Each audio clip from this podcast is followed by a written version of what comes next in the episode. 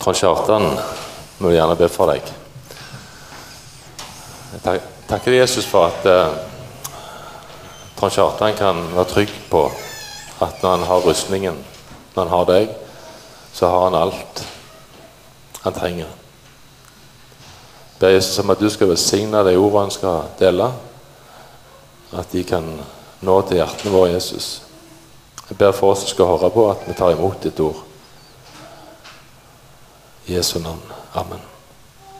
Amen. Takk skal du ha, Ivar.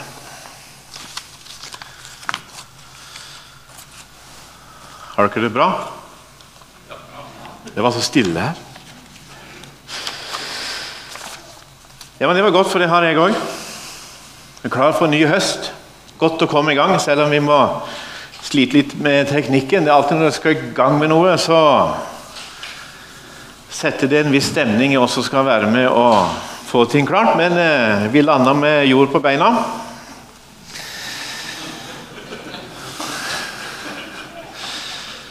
Veldig kjekt å få ha dåp og få oppstart og samle liksom den store menighetsfamilien. I dag er temaet for eh, storsamlingen 'Virkelig fri'. Og Det er jo i seg selv et eh, kjempestort og et veldig spennende tema som vi i dag bare kan belyse litt av. Og Det er jo alltid det som er så spennende med Guds ord. For vi kan lese den samme teksten om igjen og om igjen, og så vil det stadig være noe nytt å hente ut ifra der vi er i livet. Og så skal vi, som Ivar sa, altså vi skal følge kirkeårets tekster i storsamlingene òg, som den gjør i misjonsforsamlingen. Og det er jo en god anledning for deg til å forberede deg sjøl på hva en skal snakke om, med å lese teksten på forhånd hvis du vil. Før vi leser teksten sammen fra Johannes kapittel 8, så tenkte jeg kanskje kunne være litt interessant å, å reflektere litt over dette ordet frihet. Hva er egentlig frihet for noe? For det kan jo være så mange ting. For det er jo sånn i Norge at i løpet av eh, en måneds tid, sånn i, i mai-juni, sånn, så feirer vi jo tre frihetsdager. Sånn nasjonalt. Det er jo 8. mai, som markerer frigjøringsdagen fra andre verdenskrig. Vi har 17. mai, grunnlovsdagen vår fra 1814, som markerer eh, slutten på ca. 400 års dansk styre. Og så har vi 7. juni, da, hvor vi markerer unionsoppløsningen fra Sverige i 1905. Det er jo litt av noen naboer vi har. De har jo slåss om oss hele veien. Og så vil kanskje noen si at vi har jo òg 1. mai. Sånn. Det er jo en fridag, da. I alle fall så er vi i grunnen veldig heldige som får lov til å bo i et fritt land. Så vil vi vel kanskje si at vi har eh, trosfrihet i landet vårt. Det er jo òg en frihet. Vi kan tro på det vi vil og skifte tro, stort sett uten at noen eh, plager oss for det. Skjønt i noen miljøer i Norge så får det relativt store konsekvenser å gi sitt liv til Jesus, og da ikke bare i de muslimske miljøene. Så har vi det vi kaller for ytringsfrihet. Det er jo òg en frihet. Vi kan eh, si og mene og gi uttrykk for dette nesten uten begrensninger. Det er nesten litt i mesterlaget av og til. Men vi har jo ytringsfrihet. Og så har vi gjerne det vi kaller for økonomisk frihet. I hvert fall Hvis vi sammenligner oss med andre land i verden, så ligger vi jo helt i toppsjiktet. Med et, et, et, økonomisk forbruk som bare andre kan drømme om. Så vi er veldig heldige, og så kan vi liksom fortsette på den måten. Om disse frihetene som vi har, og som vi kanskje ikke tenker så mye over, og gjerne tar dem for gitt. At dette er noe som vi har, noe som vi eier, og vårt privilegium, eller noen som har eh, kjempa det fram for oss som en sånn rettighet og sånn. Så kommer jo spørsmålet da er frihet noe mer enn dette. Er det sånn at eh, når vi bor i et fritt land, vil det si at vi er fri? Jeg kjente en mann for mange år siden som heter Steinar. Jeg har kanskje fortalt meg før, men jeg er blitt gammel, vet du, så jeg husker jo ikke alltid hva jeg deler. Men det var på den tiden da bensinen kostet 3 kroner og 90 øre literen. Og vi hørte rykter om at noen ville ha opp i 5 kroner. Vi var helt rysta. Så det er lenge siden. På den tiden så kom eh, bensinselskapet, eller oljeselskapet Shell med en bensin som heter Shell Formula. Er det noen som husker dette her? Det er noen som husker det, så det er lenge siden. Ja, og Denne bensinen skulle være veldig god, men den ødela noen motorer. Var det Ford eller Opel eller et eller annet greier. Men det har ikke noe med dette å gjøre.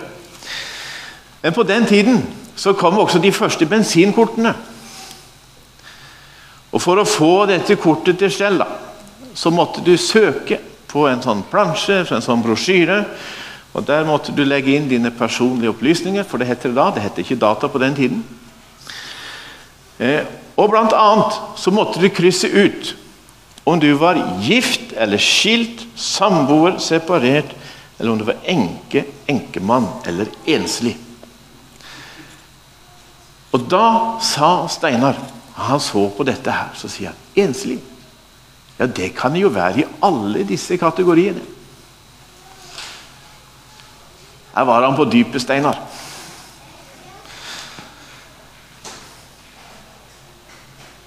Kan en være fri i én forstand og samtidig bundet i en annen? Noen mennesker begrunner sitt samboerskap med at de vil være fri. Eller de vil at de skal være frie i sitt forhold. Spørsmålet er er det sant. Er en fri? Sånn på ordentlig. Eller når en gifter seg, så binder en seg jo. Det visste dere? ja? En binder seg. Men betyr det at en mister frihet? Det heter jo at en frir. Ja. Da slippe å svare høyt, da. ja. Er frihet og bundenhet er det to motsatte størrelser? Da skal vi lese teksten fra Johannes 8, fra vers 31. Og Der står Jesus sa til de jødene som var kommet til tro på ham Hvis dere blir i mitt ord, er dere virkelig mine disipler.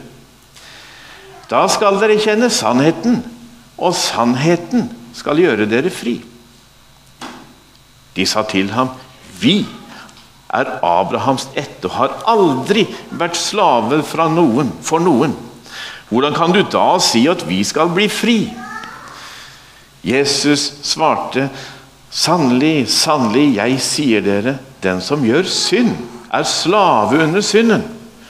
En slave blir ikke i huset for alltid, men en sønn blir det for alltid. For Sønnen frigjort dere. Da blir dere virkelig fri.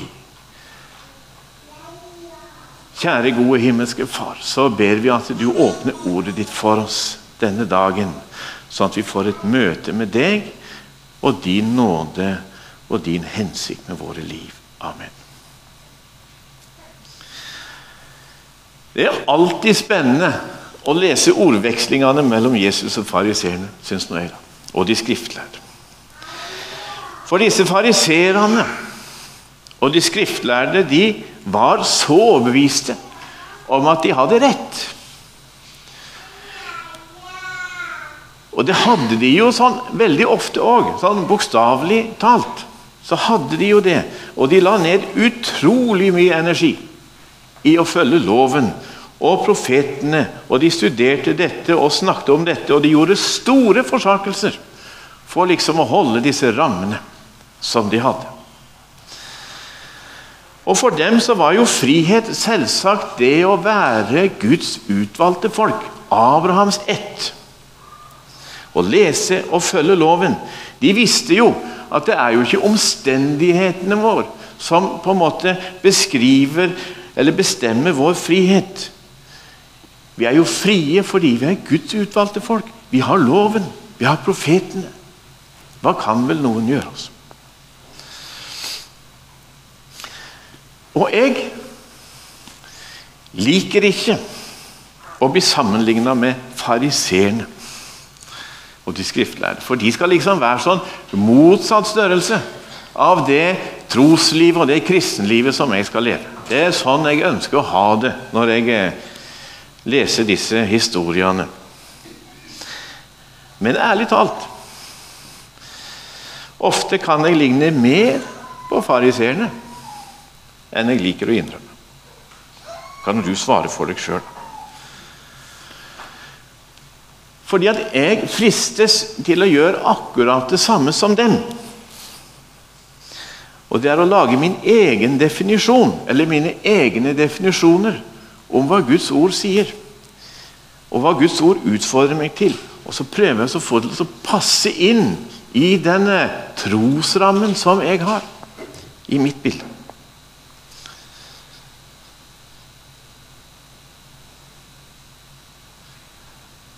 Og De fleste av oss kjenner lignelsen i Bibelen om eh, den barmhjertige samaritan. En lovkyndig som eh, kom til Jesus og ville sette Jesus på prøve. Sant? Og Så stiller han dette spørsmålet Hva skal jeg gjøre for å få evig liv? Og Da Jesus svarer at dette spørsmålet, eller svaret på dette spørsmålet, det er et spørsmål om å elske Gud og sin neste. Der ligger svaret. Og da spør han Han visste jo, han visste jo det. Han var jo ikke dum, han var en skriftlærer.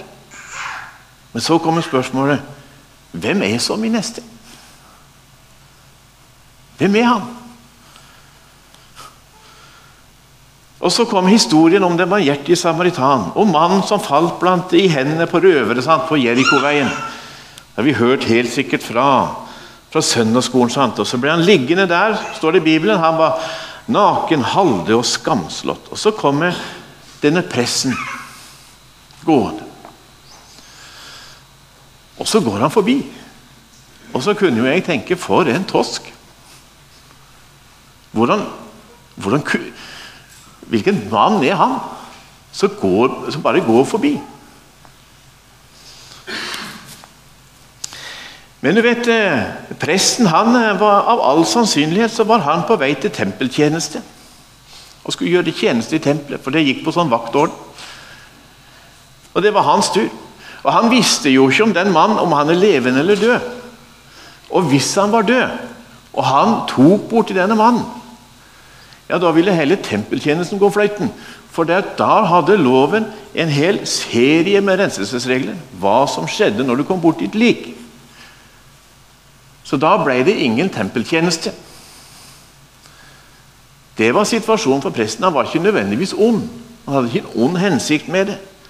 Men han var på vei til noe i hans øyne noe viktig.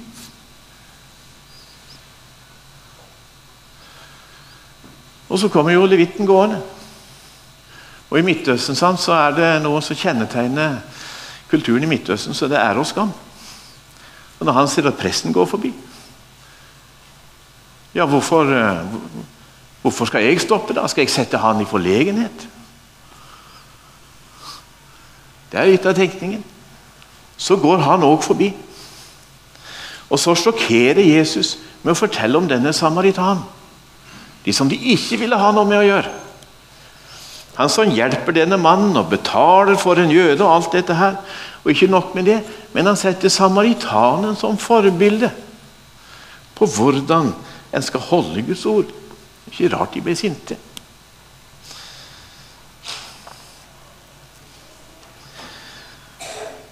Så kommer jo spørsmålet da, som eh, kanskje stilles mye i ungdomsmiljøer, men kanskje òg Hva er jeg fri til som kristen? Hva er egentlig kristen frihet?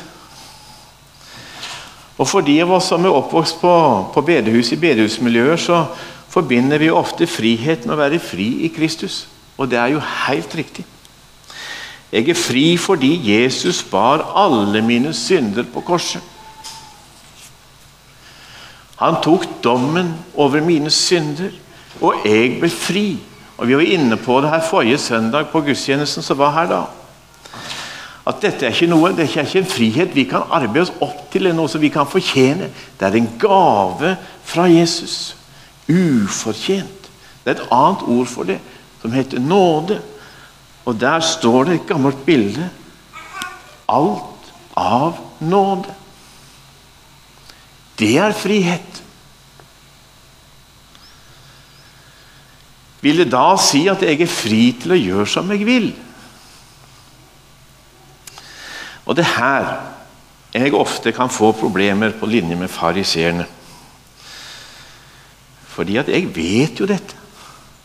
Jeg vet jo hva som står i Bibelen. Mye, i hvert fall.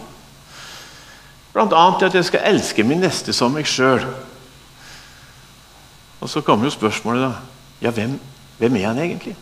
Gjelder det alle mennesker? De jeg er uenig med? Ja. Gjelder det Putin? Donald Trump? Jeg vet ikke hva han går og tenker på. Ja. Hva med dem som er urimelige? Skal jeg elske dem som meg sjøl? Hvordan skal jeg få det til? Hvordan skal jeg få det inn i rammen min? Eller når det står at dersom din bror gjør en synd imot deg, så gå til han og still han til ansvar på tomannshånd. Prøv å vinne din bror. Og Hvis han hører på deg, så få med deg en til. Prøv å, å løse det før du liksom tar det fram i offentligheten. Gjelder det alltid? For hvis det alltid gjelder, så vet jo jeg, på linje med fariseerne, da, at jeg synder jo om jeg ikke alltid gjør det. Klarer du å følge tankegangen min? Og Da blir det litt sånn, får jeg litt sånn behov som fariseeren. Ja, hvem er nå egentlig min neste? Og Så kan det være litt sånn irriterende noen ganger å prøve seg på Guds ord. Det er mye lettere å prøve de andre på det. Hva vil det si å være en slave under synd? Har det med alkohol å gjøre? Ligge under for det? Eller eh, narkotika? Narkotika, som min far sa. Er det liksom en sånn uh, greie? Handler det om sex eller stjeling eller baksnakk eller noe sånt? Og jeg vet ikke om du var klar over det, altså, men vi har vanligvis i forsamlingen her så har vi en, eh, en stor kunstner blant oss. Eh, og Noen av eh, oss hadde gleden av å få være med på en sånn inspirasjonssamling for høsten her en fredagskveld. Der viser denne kunstneren et av sine store verker. Og Dere som var på samlingen, får ikke lov å svare på dette, men det er ikke et lurespørsmål. Men kunstneren hadde malt et sånt eller et bilde. Hva er det kunstneren har avbilda her?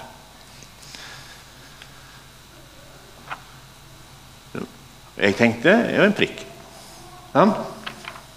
Noe moderne kunst, vet du. En prikk, tenkte jeg. Men kunstneren forklarte verket, så forklarte kunstneren det som et hvitt ark med en liten prikk. Det er det som er bildet av.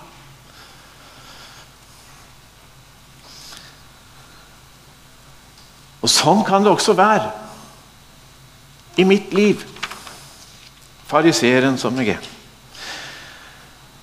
For når jeg ser på andre mennesker, så kan jeg fort legge merke til eh, prikkene hos dem. Og ikke den hvite delen. Er ikke det rart? Det kan være ganske fristende å gå og lete etter prikker noen ganger. Men når jeg ser på mitt eget liv i samme situasjon eller i den settingen vi er i, Da ser jeg liksom et hvitt ark med noen prikker på.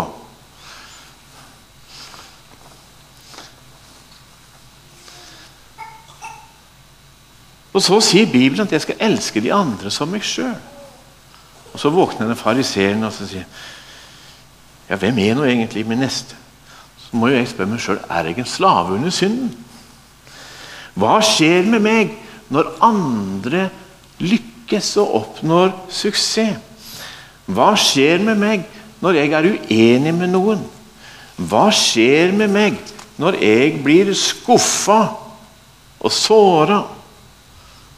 Når jeg kanskje ikke forstår hva de andre tenker og mener. Eller noen pirker borti et, eh, et eller annet ømt punkt i mitt liv. Hva skjer med meg da?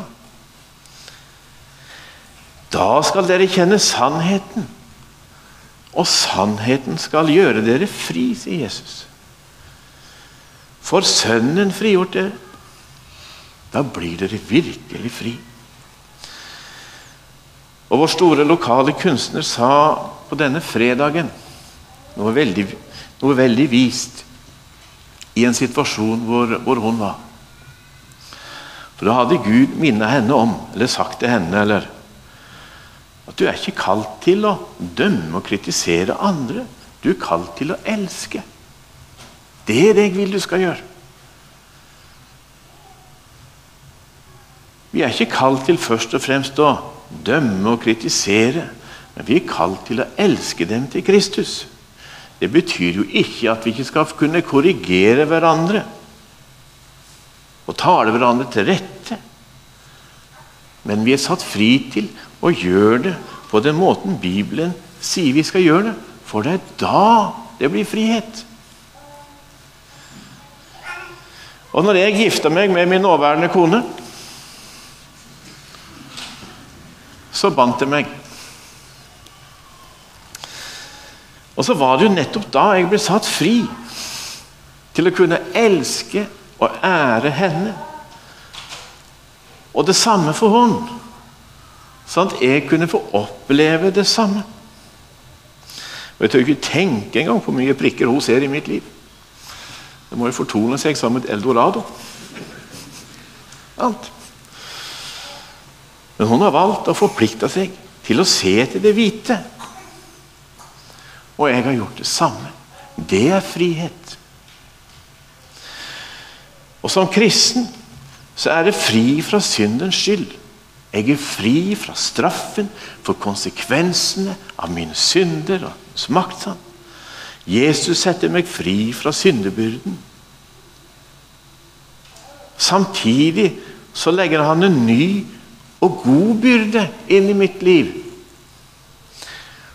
Vi skal få lov til å være og dele, og dele troen med andre mennesker og vise dem hvem Jesus er i vårt liv. Og så utfordrer Jesus meg til å bruke samme vekt som jeg bruker på meg sjøl når jeg bedømmer de andre. Ha samme målestokk. Paulus sier i Galaterbrevet kapittel 5.: Til frihet har Kristus frigjort oss. Stå derfor fast og la dere ikke tvinge inn under slaveåket igjen. Sannheten skal gjøre dere fri, sier Jesus.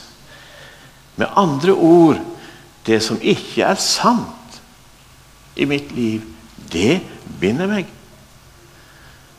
Og det kan være litt smertefullt og ta dette fram i lyset.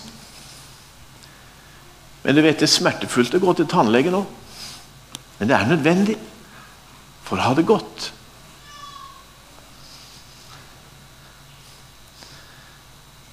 Og så er det én ting til slutt her som er litt rart, som kan skje i mitt liv. For noen ganger når jeg skal møte Gud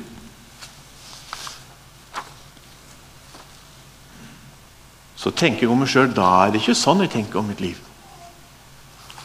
Da er det kanskje sånn. Og det er kanskje mer sant enn det, da. Med noen små hvite prikker. Jeg fant ikke sånn tusjgreier i dag tidlig.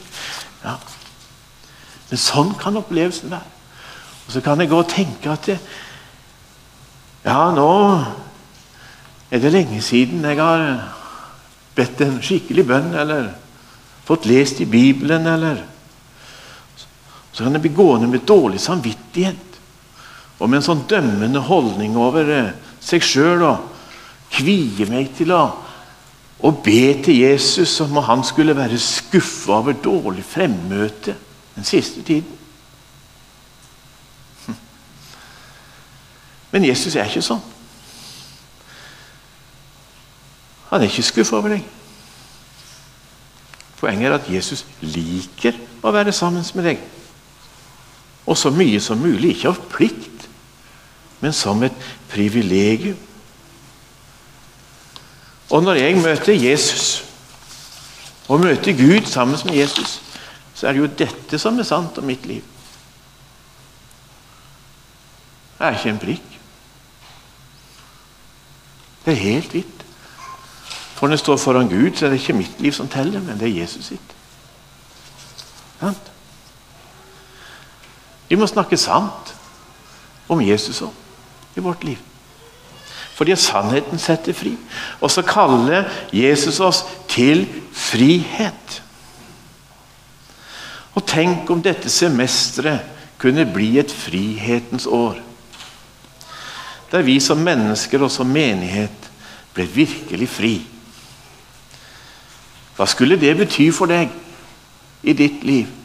Hva skulle det bety for oss som forsamling? Hva skulle det bety for meg? Og hva skulle det bety for de menneskene som vi har rundt oss? De som gjerne går og kjenner på disse her nederlagene og tenker at det holder meg på avstand fra Gud. Tenk om vi kunne få lov til å være med og vise dem at det handler ikke om deg, det handler ikke om de på bedehuset eller noen kirke, eller hvor, men det handler om hvem Jesus er. Og Jesus vil være sammen med deg og sette deg fri.